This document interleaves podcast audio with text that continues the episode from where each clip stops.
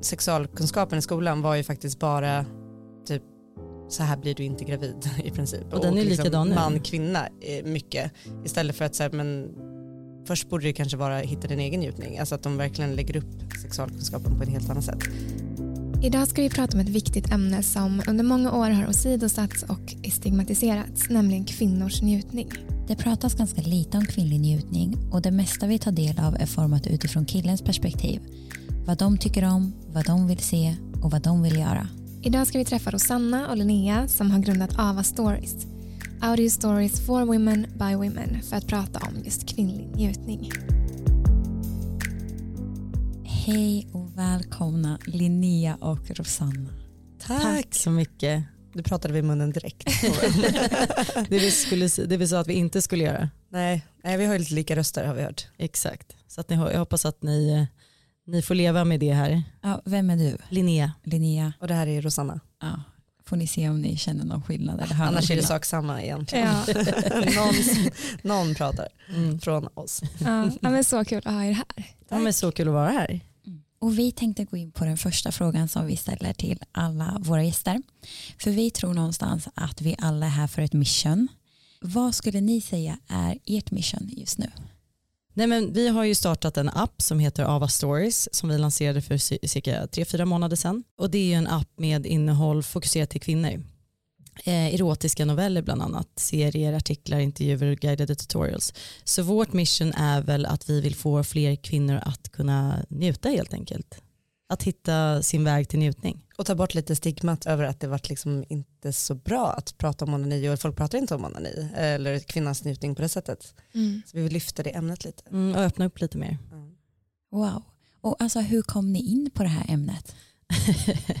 ja, vi skämtar alltid om det, men det är faktiskt sant. Vi, eh, nej, men vi satt, det känns som att det blir uttjatat, mm. i Rosannas bubbelpool, eh, drack lite vin, började prata, vi hade sett någon rapport från, det, det, var under coronan, så vi hade sett någon rapport på YouPorn eller läst om någonting och då hade liksom hur mycket YouPorn och andra porrsidor hade ökat och då började vi prata om det. Och så började vi fundera på så här, men vad finns det för kvinnor i för liknande, eller är det liksom det kvinnor går in och kollar på? Så vi var inne och kollade, researchade marknaden lite grann. Det vi upptäckte direkt det var så här, YouPorn är inte gjort för kvinnor, inte bara YouPorn men de flesta porren är inte gjort för kvinnor. Det kan man se på bara annonserna eller liksom det första innehållet som ligger i på startsidan typ. Eh, så vi började researcha marknaden och vi hittade våra amerikanska konkurrenter Dipsy. Mm. Och, och vi kom väl in där med vinet, det är ju för att vi man, som tjejsnack så börjar man kanske ofta snacka lite sex exakt, ibland. Exakt. Eh, och då kom vi in på det och så vi bara, men gud det finns ju verkligen ingenting. Eh, eller det finns väldigt lite, det finns saker, vi ska inte säga att det inte finns någonting. Det finns information men det finns eh, ingen som liksom har lyft det mer som ett varumärke och gör en större grej av det för att få att det ska liksom lyftas upp mer. Och paketerat um, i ett modernt format framförallt skulle jag säga. Så att liksom det var då det började, att vi ja. började leta lite och vad finns det och liksom mer och ljud växer. Lite. Ja. Mm. Hörde man det? Ljud växer. Nej men det var så det började. Mm. Ja, men så, så spännande. Men hur kom det sig att det blev just ljud? Nej, men vi kollade på lite olika alternativ, så här, vad, vad är det man kan göra för någonting, men sen så började vi kolla upp både ljudbranschen och vi började kolla upp vad ska man säga, erotikbranschen och vad kvinnor ville ha, så vi gjorde en egen undersökning, men vi tog också del av en annan undersökning som var gjort av ett universitet i någonstans i USA. Att 90% av kvinnor går igång på mental framing som är lite mer att du ska fantisera och liksom inte, du behöver inte se allting visuellt. För generellt sagt, nu, nu pratar jag generellt, så går fler kvinnor igång på ljud och mer män går igång på visuellt. Ljud och text för att läsa och få sätta sin egen liksom fantasi, att du vill sätta dig in kanske i bilden istället för att se någonting. Att du kan fantisera att du är där eller vem det är med och, och man, får, man får uppleva på ett helt annat sätt egentligen. Så det, det är den stora, du brukar dra en bra exempel med baren. Ja, men till exempel om det sitter några killar runt ett bord och inkommer en tjej och typ böjer sig ner och så ser man trosorna eller något liknande så tror jag att eh, i killars tankar så börjar det liksom gå igång och man bara, ja men det börjar gå igång lite. Hade tvärtom varit att några tjejer sitter vid ett bord och inkommer en kille och böjer sig ner och sen råkar visa lite pung så går ju inte vi igång på samma sätt liksom. Då kanske man tvärtom skulle tycka att det var lite äckligt. Så det, nej men det är som du säger, alltså generellt går ju folk igång mer visuellt. Och man har, kommer inte ihåg att man läste mycket KP och Jo, sån här kropp ja. och knopp och typ sex noveller i mormors gamla Allerstidning. Eller liknande. Alltså det fanns ju även i Cosmopolitan och de här tidningarna. Men det fanns sånt gammalt och det var ju alltid liksom lite, man kunde låtsas och fantisera och sätta sig in i det själv. Och jag menar Harley Quinn och alla de här gamla, det finns jättemycket böcker som, som kvinnor i alla tider har gillat för att det är eh, erotik i textform. Så att egentligen det vi gjort är ju att tagit tag på att kvinnor har alltid varit före i att läsa erotik eh, medan män har tittat på erotik i porrtidningar eller filmer. Och vi har ju bara satt det här i ett nytt, ny plattform, nytt format med ljud i en, i en modern, i en app för att det, det är lättillgängligt. Och det är också därför vi har så många olika, inte bara kategorier, men eh, olika ämnen. Vi har ju artiklar och artiklarna kan handla mellan allt mellan sex efter trauma eh, till eh, fem sätt att komma typ. Så det är väldigt brett, men man vill att man ska liksom kunna känna igen sig, hitta någonting som passar en och sen kanske börja där och komma in på novellerna. För vissa i varje fall, vissa går ju rakt in på novellerna. Och det är helt okej också. Men det här är ett ganska intimt ämne. Men hur, hur har AVA mottagits? Av samhället, av kvinnor, av människor i er närhet? Eh, so far so good skulle jag säga. Men Vi jättebra, har- vi var ja. nog eh, förberedda på kanske lite mer kritik eftersom det är så pass nytt, det är ett nytt sätt, det är inte någon som har, det här är ju eh, erotik på subscription för kvinnor i princip. Så att det, det har ju inte funnits tidigare så vi har nog tänkt att det eh, skulle komma lite mer ris men det har varit enormt mycket ros. Alltså om man säger generellt, Jätte, jättemånga som är superpositiva och tycker att det här är jätteviktigt och jättebra. Så det känns ju som att det, vi kom in rätt i tiden när folk är öppna för att prata om det här och ta upp det på, en, på ett helt nytt sätt. Så det är jättekul. Hur lyfter ni berättelserna i AVA jämfört med till exempel perspektivet i porr? Alltså vi har ju många, eller alla nu, kvinnliga författare, någon man kanske också, som skriver utifrån kvinnan. Och då har vi liksom olika kategorier. Vi har ju queer till exempel. Och då har vi några stycken som är lesbiska som skriver för det. Men vi har några tjejer som skriver från manligt perspektiv också. Och det var ganska intressant. För att vi fick faktiskt in från en man häromdagen som skrev till oss och sa så här, gud vad intressant att få sätta på sig ett andra liksom andra glasögon på något sätt. Så någonting är ju skillnaden. Det, vi beskriver ju ganska mycket känslor i vissa av berättelserna också.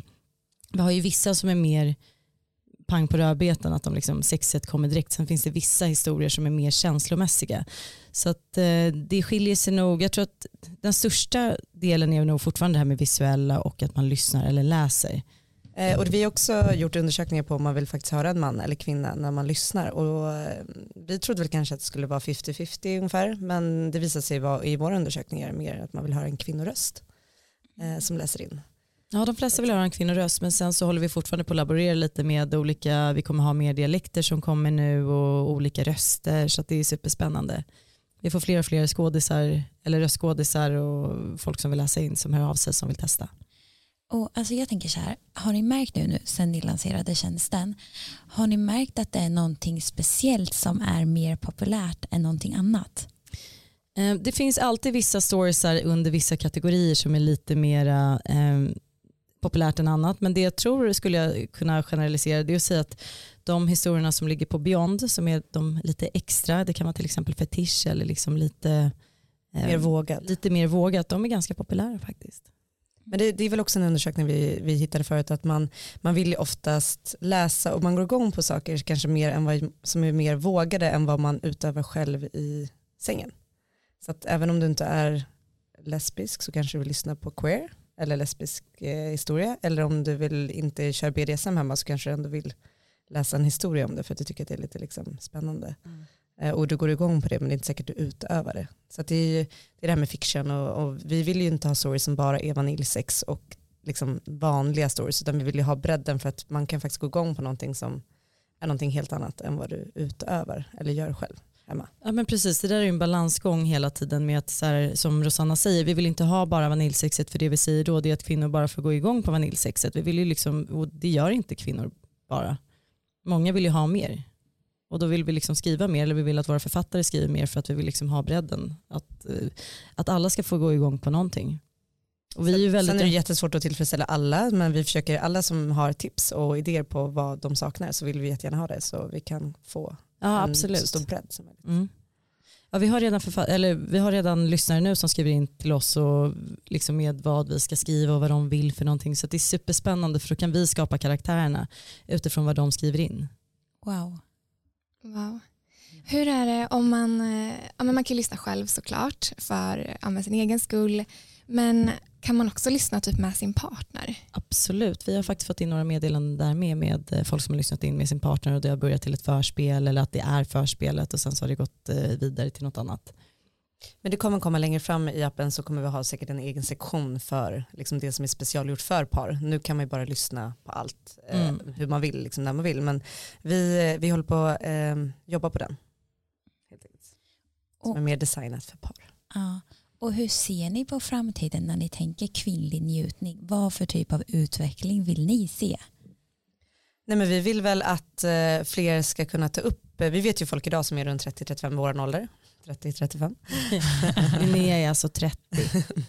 men eh, som fortfarande inte har kommit. Och det är ju jättetråkigt och man kanske inte vågar prata om det här eller vågar utforska sin egen njutning. Och vi pratade om det eh, att det är väldigt mycket fokus på att ligga men du kommer aldrig få ett skönt ligg om du inte har utforskat dig själv först och vet vad du vill. För sen är det också ett nytt steg att ta det till sin partner eller berätta det för någon annan, även om det inte är en partner, att säga vad man vill och vad man tycker är skönt. Och det är ju bara du själv som kan utforska det.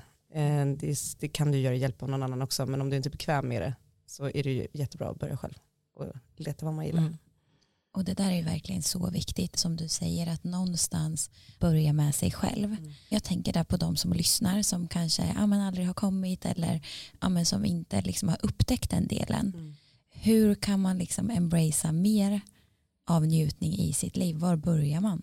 Ja, men jag brukar ta typ exemplet som när jag började ligga, jag kanske var 16 runt där. Jag eh, hade min första pojkvän eh, vid 23. Däremellan, mellan 16 och 23, så kom inte jag med en kille en enda gång. Och det var för att jag var så himla osäker själv. Jag bara, om inte han kommer, då är jag sjukt dålig i sängen. Så att det här med att våga börja veta vad man själv vill, våga börja ställa krav. Det är ju sjukt viktigt. Ja men som vi pratade om i bilen på vägen hit, eller i morse, så var det så här, men sexualkunskapen i skolan var ju faktiskt bara typ så här blir du inte gravid i princip. Och, och den är liksom likadan nu. Man, kvinna mycket. Istället för att så här, men först borde det kanske vara hitta din egen njutning, alltså att de verkligen lägger upp sexualkunskapen på ett helt annat sätt. Och att man ska hitta sig själv och vad man själv gillar och liksom försöka börja där och sen så kan man ju gå in på graviditetsdelarna. Liksom, hur man kan Nej, men det är lite gravid. lustigt att sexualkunskapen, precis som du är inne på, den, den är likadan nu. Eh, jag har en lilla syster som är några år yngre och hon berättade det för mig att det liksom berättade och jag bara, det var ju likadant när jag var liten jag kommer liksom bara ihåg att det var någon kondom och det var liksom, men det var ingenting om njutning. Det var bara som du säger, så här, det här ska man göra för att inte bli gravid. Som att det är det som är det viktiga som man pushar på hela tiden. Men man borde nästan kanske ta upp lite mer njutning kring allting, både männens och kvinnans njutning. Mm. Mm. Och ja. kanske också att alltså, förstå mer om sin kvinnliga biologi Absolut. och hur den fungerar. Mm. För, att annars, själv, blir, ja, för annars blir det svårt. Mm. Men så mer specifikt, om ni fick ja, implementera i skolundervisningen, vad hade ni velat att man skulle lära sig om, om en kroppen, njutning och sex? Uff, det är ju jättesvårt men det är ju, det är ju som, det är njutning och det är ju på ett lite mer lättsamt eh, roligare sätt kanske. Jag kommer ihåg, det här nu är jag lite äldre än Linnea men det var en karta i princip på liksom underlivet och det här var de här delarna som finns och, det var, och sen den här kondomen. ja men det var samma sak i princip. för mig. Ja och det var, det var liksom, alla tyckte det var lite skämmigt och det var lite pinsamt och det kommer man kanske aldrig komma ifrån att det kommer vara yngre personer som tycker det är pinsamt när en äldre person pratar om det här. Men det finns ju säkert, jag vet inte om ni kommer ihåg, Regina Lund gjorde en film också. Kommer ni ihåg det? Nej. Regina Lund gjorde en film, jag vet inte om vi fick se en snutt av den också faktiskt. Men den var ju väldigt så här, visade väldigt mycket. Och, vad ska man säga, det var en vacker eh, sex, eller det var en sexfilm. Ja det var en sexfilm eh, som var väldigt visande liksom. Och det blev ju nästan också, det är svårt, jag ser inte att det är lätt att lösa problemet hur man gör en bra sexualkunskap i skolan för det, det är nog inte särskilt Men jag lätt tror kanske det... en grej skulle kunna vara att kanske ta in en yngre person som är liksom kan relatera med eleverna lite mer än vad någon som är väldigt mycket äldre skulle kunna vara, göra, eventuellt. Mm. Det kanske jag säger helt fel. Och sen som pratar lite individuellt, liksom, nu är det inför gruppen, hela klassen och det kan bli liksom skämmigt. Vissa kanske har haft sex i klassen och så blev det åt helvete eller någonting. Och sen så känner man bara att det är pinsamt att sitta där och man sitter liksom bara skäms. Man kanske bara ska skicka en film till alla som alla får titta vid eget tillfälle. Mm. Nej men det är jättesvårt men eh, absolut ta upp mer njutning och sig själv först innan man mm. börjar gå in på liksom de tråkiga bitarna som oftast är som tas upp med som du sa könssjukdomar och annat. Och kanske göra på ett lättsamt sätt. Mer roligt och inte så himla liksom det är ju seriöst men det är ju också kul med sex. Ja, hur får man det här ämnet att bli mer ja, men naturligt och lättsamt? Mm.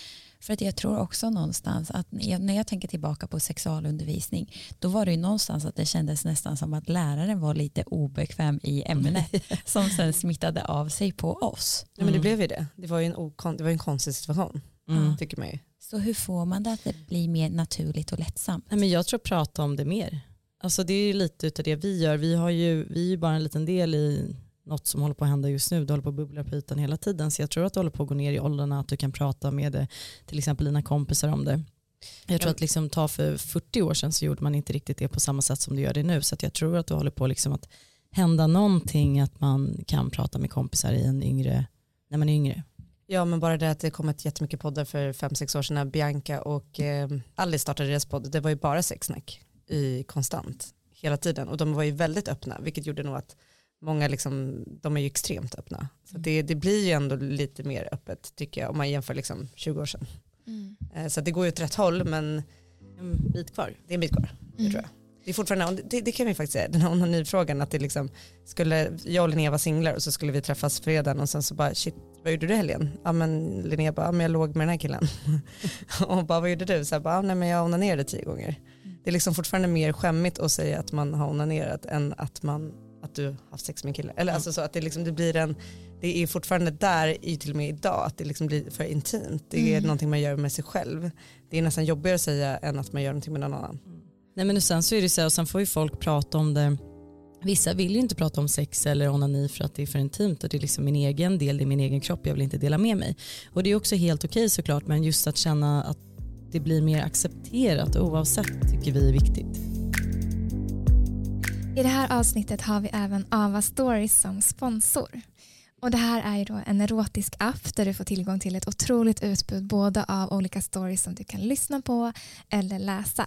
Och det här är erotiska stories by women for women. Och AVA har skapats med kvinnors hälsa och njutning i fokus. Så ta dig tiden att ladda ner appen och signa upp för sju dagars prova på. För finns det någon bättre selfcare? Nej. Så njut och ha kul. Om man är liksom en av dem som du beskrev också som kanske har växt upp med den här sexualundervisningen när man inte lärde sig så mycket, har gått eh, tio år utan att komma eller liksom inte vågat utforska någonting själv.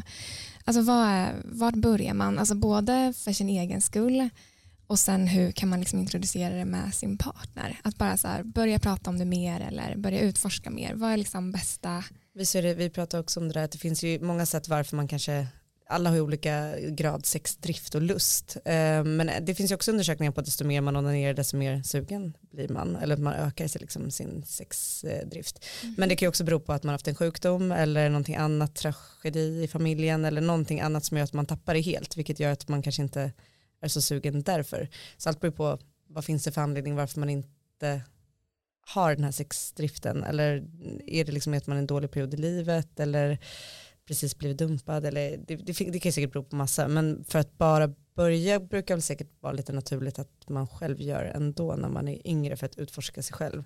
Men vi är ju inga experter på det här utan vi brukar bara utgå från oss själva när det jag gäller. kommer ihåg att jag fick eh, sex, tidigt sexdrive. jag har för mig att man typ kände av det när man bara var fem, sex kanske. Ja det är ju extremt tidigt kanske. men, men jag kommer ihåg att typ rederietiden, man kan vara tio i min ålder i princip. Att man kände så här, men gud vad hände där? Fast man inte liksom visste vad som hände typ. Rederiet, var det till rederiet eller var det? Nej, ja, jag försöker komma på en åldersnivå.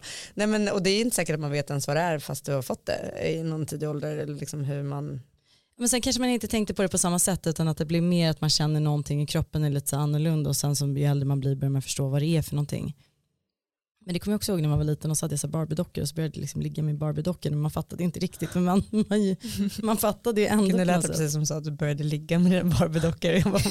vad säger Jag har inte legat med mina Barbie-dockor.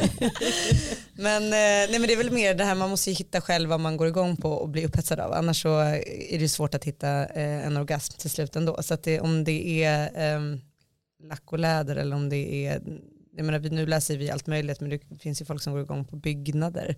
Eh, så det, är liksom, det finns extrem mängd vad folk faktiskt går igång på. Det är därför vi vill också hitta en bredd eh, i vår app. Nu, nu har vi ingen story än om byggnader. byggnader men, men eh, det finns, där är ju extremt bredd och skillnad. Så det är väl, de vanligaste är väl liksom om du skulle googla på liksom, där folk, kvinnor går igång så är det väl fortfarande, eller erotikmässigt så är det väl lite fetischer som är vanligare, typ lack och fötter fortfarande tycker folk kan vara sexigt och munnar och liksom, så att det är så mer kroppsdelar.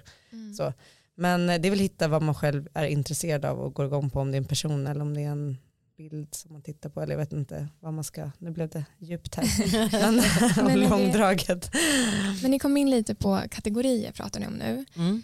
Och alltså jag blir nyfiken på, typ som på porrsidor, då finns det väl massa olika liksom, kategorier. Hur ser era kategorier ut i jämförelse till liksom, klassiska? Ja, alltså jag tror att många av de här stora porrsidorna, de har ju säkert så 300 kategorier. De verkar, jag förstår inte ens hur man kommer på alla de här kategorierna. Det kan vara så här allt möjligt. Man bara, men gud, liksom. vi har fyra kategorier som vi kanske utvecklar till fler kategorier sen.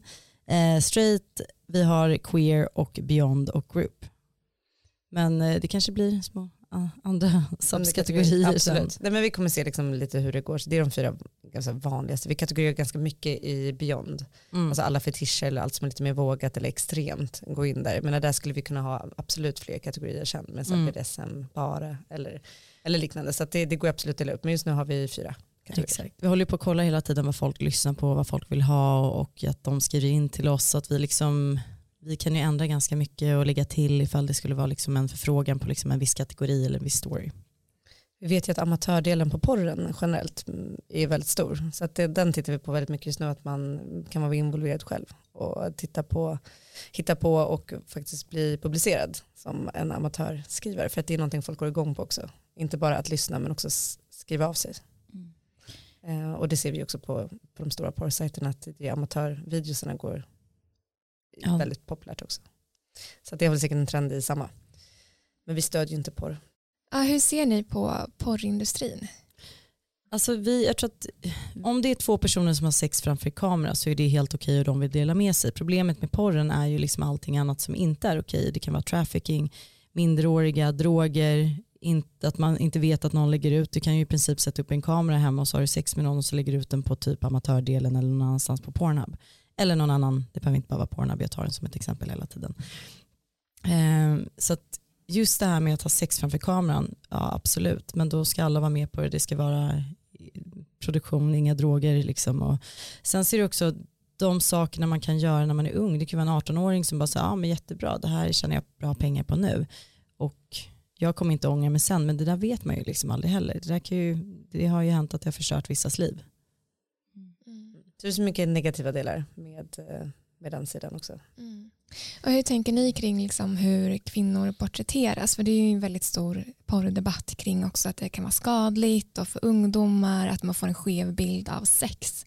Hur tänker ni kring det? Jag tror att man får, kan få en skev bild av både sexet, kroppar, både kvinnor och män egentligen. Många män har ju eh, komplex över sina penisstorlekar och många kvinnor över sina kroppar.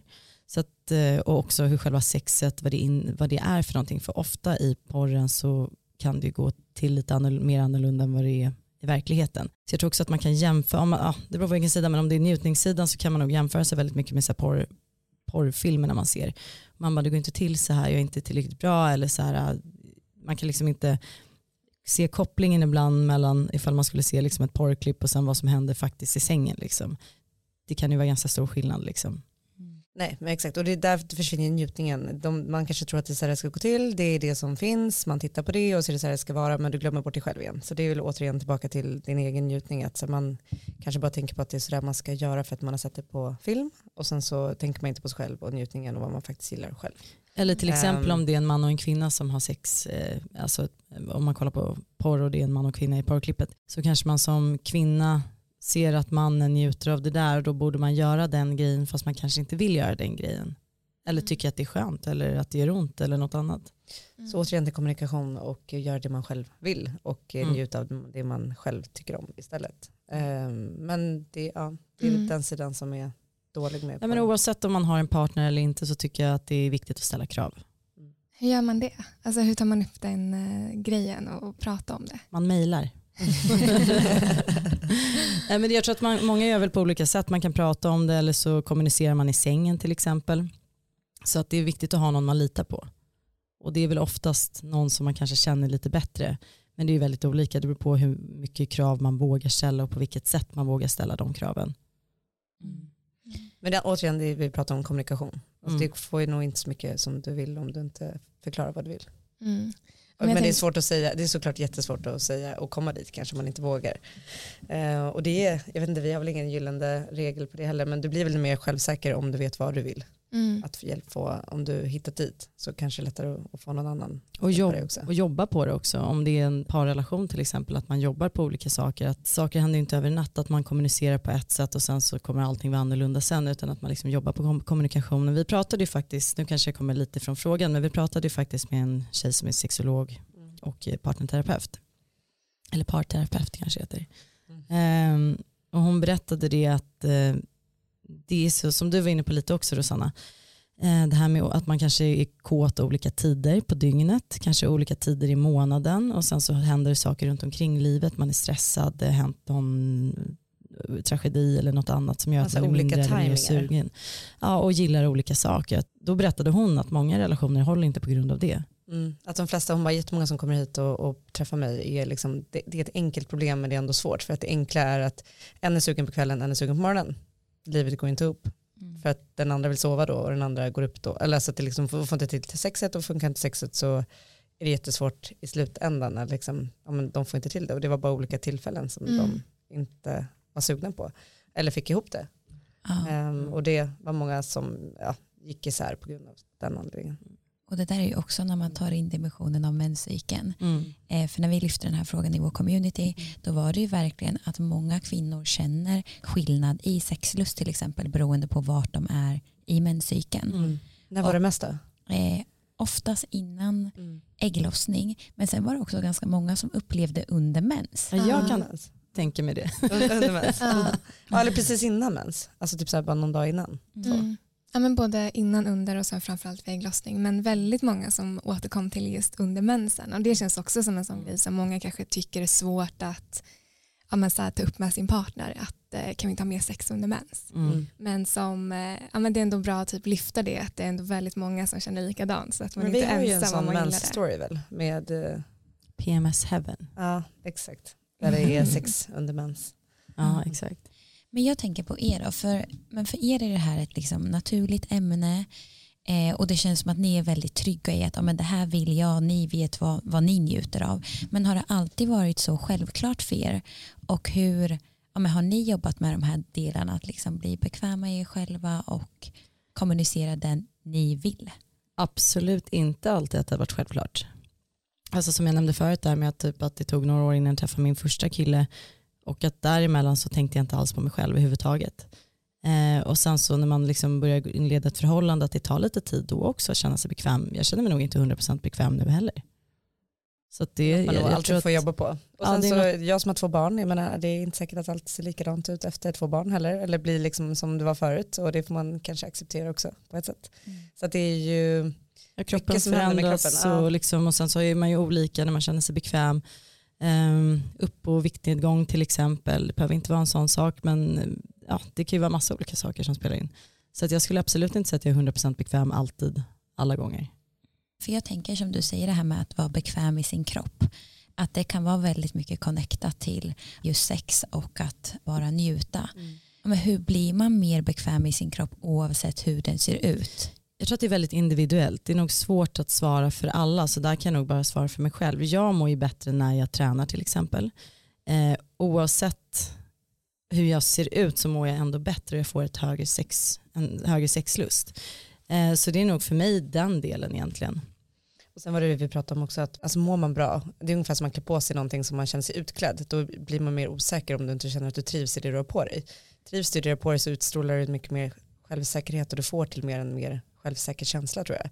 Så att det är också där, mår man bra, trivs man även på Ja men trivs man med, li med ja. livet i tillvaron, är man liksom nöjd övriga sätt då mår man nog också bättre. Så att allting beror på liksom utomstående faktorer också. Så det är inte bara hur det ser ut eller hur man liksom, det går ju upp och ner tycker jag väldigt mycket.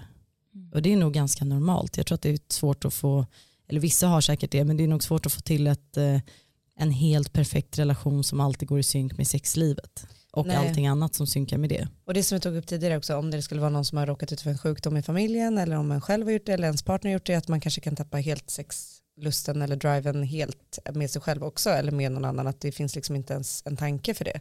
Och det kanske man måste bara få låta vara så under en viss period då. och försöka hitta tillbaka den sakta men säkert mm. sen när man mår bättre. Mm. Eh, för det finns ju sådana perioder och vi har lite artiklar om det också. Ja men precis och sen så man kan ju också som partner bli frustrerad till exempel om det skulle vara så också som vi har fått lite så frågor hur länge kan det hur länge ska man liksom acceptera eller acceptera hur länge ska man liksom låta det gå för att det är också viktigt att visa om det nu handlar om partner att ens partner att man är intresserad så det är också en fråga så allting liksom ska ju pusslas ihop på något sätt. Vi var inne lite på den nu, men om man har låg sexlust till exempel, finns det någonting som man kan göra i sin livsstil för att supporta där. För jag tänker att överlag så kvinnor ofta så kanske man inte tillåter sig själv att njuta i andra delar, alltså mer i vardagen. Säg till exempel att men man kanske inte tillåter sig ens att ja, njuta när man sitter och äter eller man tar ett varmt bad eller bara känna sig bekväm i sin kropp. Och hur kan det här liksom vara connectat till att njuta under sex? Men det, alltså jag tror som du säger, hitta, hitta sin egen njutning är ju även där. Om du gillar att bada och det är avslappnande och tycker det är jättemysigt eh, och du vill försöka hitta tillbaka, då är det ett jättebra steg att börja där. Vissa är det säkert bad eh, med lite musik på en lugn, vissa kanske är någonting helt annat. Mm. Eh, vad nu, läsa en bok, ut, bara ta liksom sin egna stund, vad nu den här egna stunden kan vara utan sex. Det är nog jätteviktigt om man lever ett stressigt eh, liv bara för att liksom börja varva ner och tänka på någonting annat och komma tillbaka lite i sina tankar. Jag har väl ingen bra erfarenheter själv av det här tror jag. Vi två är ganska hetsiga som personer. Ja exakt, men det är klart när det blir så stressigt så är det, jag tror att du och jag har ju svårt att varva ner. Mm. Ja, vi, vi skulle börja gå på yoga. Eller, jag har försökt ja, några det, gånger. Jag har försökt också men det har gått sådär. Men eh, vi kanske ska försöka igen. Mm. Eh, nej men det, jag tror att eh, vårt problem är att vi har svårt att varva ner. Då är det ju konstant. Alltså det är ju liksom på morgnar, dagar, kvällar, nätter. Nej men det är hela tiden liksom. Så det skulle jag säga är mitt problem. Mm. Att bara hitta den här, så här okej, okay, mig-tiden. För att jag, har, jag upplever att inte jag behöver den men jag behöver nog den också. Men jag tror att som du kanske var inne på om man lever, om, om man typ har en dålig svacka eller om man har en svacka eller en dålig period i sitt liv och så blir liksom, man blir stressad över alla delar men man låter sig inte så att njuta av de små grejerna heller att man tar den där frukosten för sig själv eller badet eller vad det nu kan vara för någonting. Men det är nog en viktig grej att börja kunna uppskatta de delarna.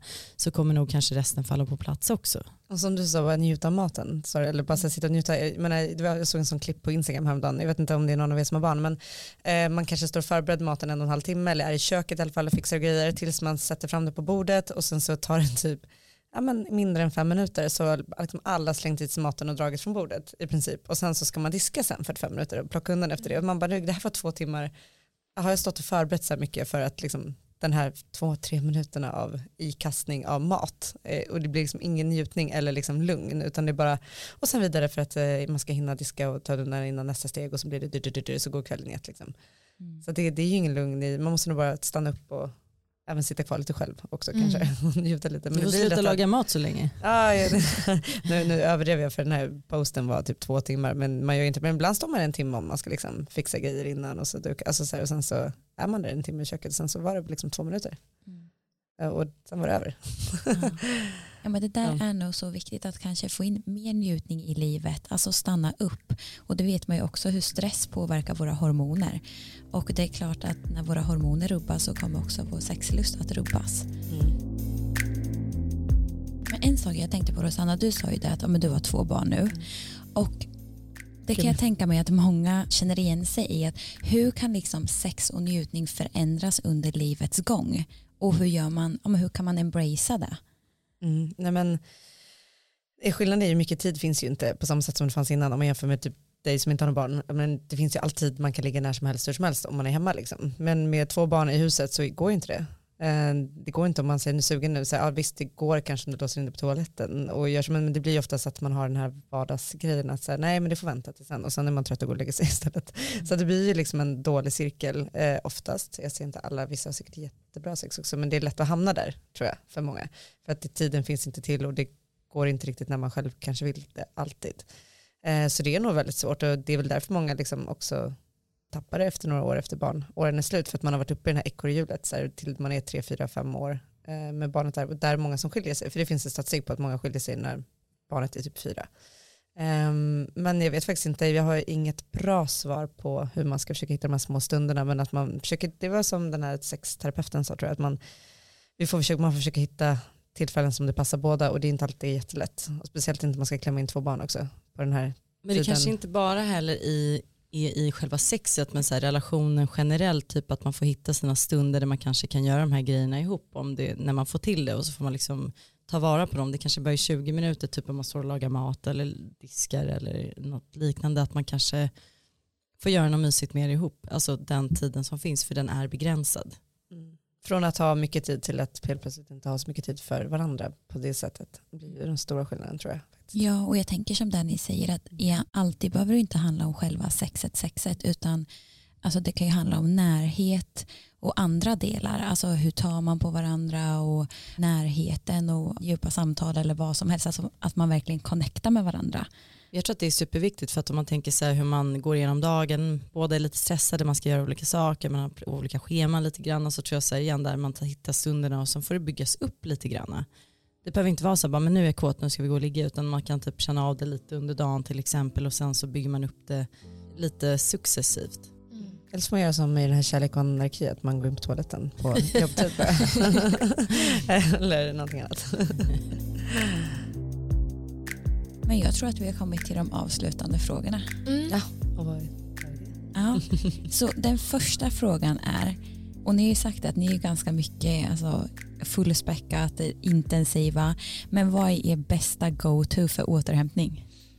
Ja, det, det är så när återhämtar mig. Jag vet inte riktigt när jag gör det heller. när vi sover? Men, ja, jag kan ju somna, men, ja, jag kan somna var som helst när som helst i princip. Det, behöver jag bara sätta mig lite avslappnat, då sover jag. Eller för sig, um, jag skulle ehm. kunna säga så här, köra bil. Med bra musik. Med bra musik. Motorcykel tycker jag man slappnar av, för då är det det man tänker på, eller rider. Mm. Det är ju de grejerna som jag tycker att man, alltså så här, man stänger ute alla andra grejer, framförallt på motorcykel och ridning, då är det liksom allting annat går ut, för du mm. måste koncentrera dig på det du gör. Inga mobiler tillhanda. Det Nej. Vi började paddla i somras. Ja, det, det var lite så här, då, lite... då kunde man knappt prata för att det blåste och så hörde man inte varandra. Och så fick man liksom koncentrera sig på sin egen paddel. Mm, för att hålla och inte ramla i vattnet för att det är så jävla kallt. Men i, i år var det faktiskt varmt. Mm. Så vi kan inte klaga på det. Men att hålla sig stående var ju ett fokus. Mm. Men det är saker där man kan släppa, göra någonting men ändå släppa fokus. Ja, men träning skulle jag säga också typ lite tyngdträning för att då är det också så att all fokus måste, eller träning generellt, då går ju fokus till att du ska göra den här grejen och det blir jobbigt och du kan tänka på något annat. Mm. Allt som mm. stänger av andra tankar. Det låter som att vi är värsta träningsfreaks. Eller det är vi inte. vi skulle behöva vara det. det nej, det, det är väl de stänger ut mm. andra tankar för att kunna göra något fokuserat. Mm. Så kan man väl säga. Så bra mm. tips. Verkligen. Och om ni fick ge er själva då ett råd till när ni var 16, vad hade det varit ert råd till er själva när ni var yngre? Um, ta det lite lugnare. Det lite lugnare. vi är nog två väldigt hetsiga människor på den här ja. sidan just nu och jag har alltid varit. Vi tar det säkert lugnare nu, jag tar det lugnare nu. Sen man fick barn har jag tagit extremt mycket lugnare för då blir det helt plötsligt man måste leva för någon annan. Annars har jag nog levt väldigt mycket för minuten, sekunden, dagen eh, hela tiden. Och jag kan tänka mig att du var lite likadan. Jag är nog fortfarande likadan. Ja. jag eh, tänker lite mer. Ja, och jag, jag ja, exakt. jag har fortfarande inte tagit det rådet till mig själv men eh, ja, eh, kanske varva ner lite mer. Så man får tid och att tänka igenom på, på ja exakt och kanske lite så här, det var jag ju mycket värre med när jag var liten också, men det här med att, vad heter det, konsekvenstänk. Mm. Att man måste kanske tänka igenom innan man gör. Tänk två gånger. ja exakt. Mm. Ja. ja det är väl det. Slow down, man lever bara en gång. Alltså, vara på stunden.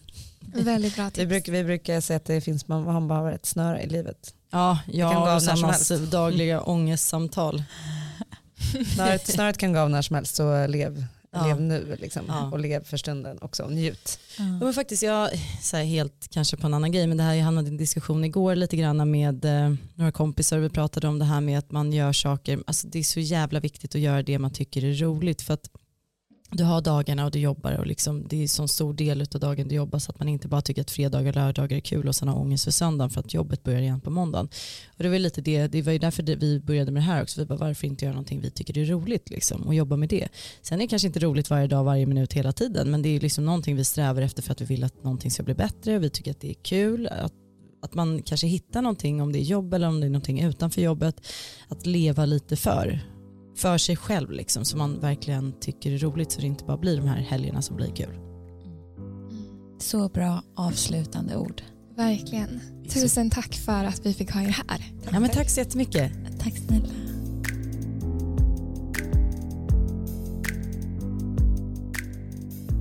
Vi vill bara passa på att lyfta vår nya produkt Chica Roast. Ja, det här är en så efterlängtad produkt för alla oss som vill minska på vårt koffeinintag och har letat efter ett alternativ till kaffe.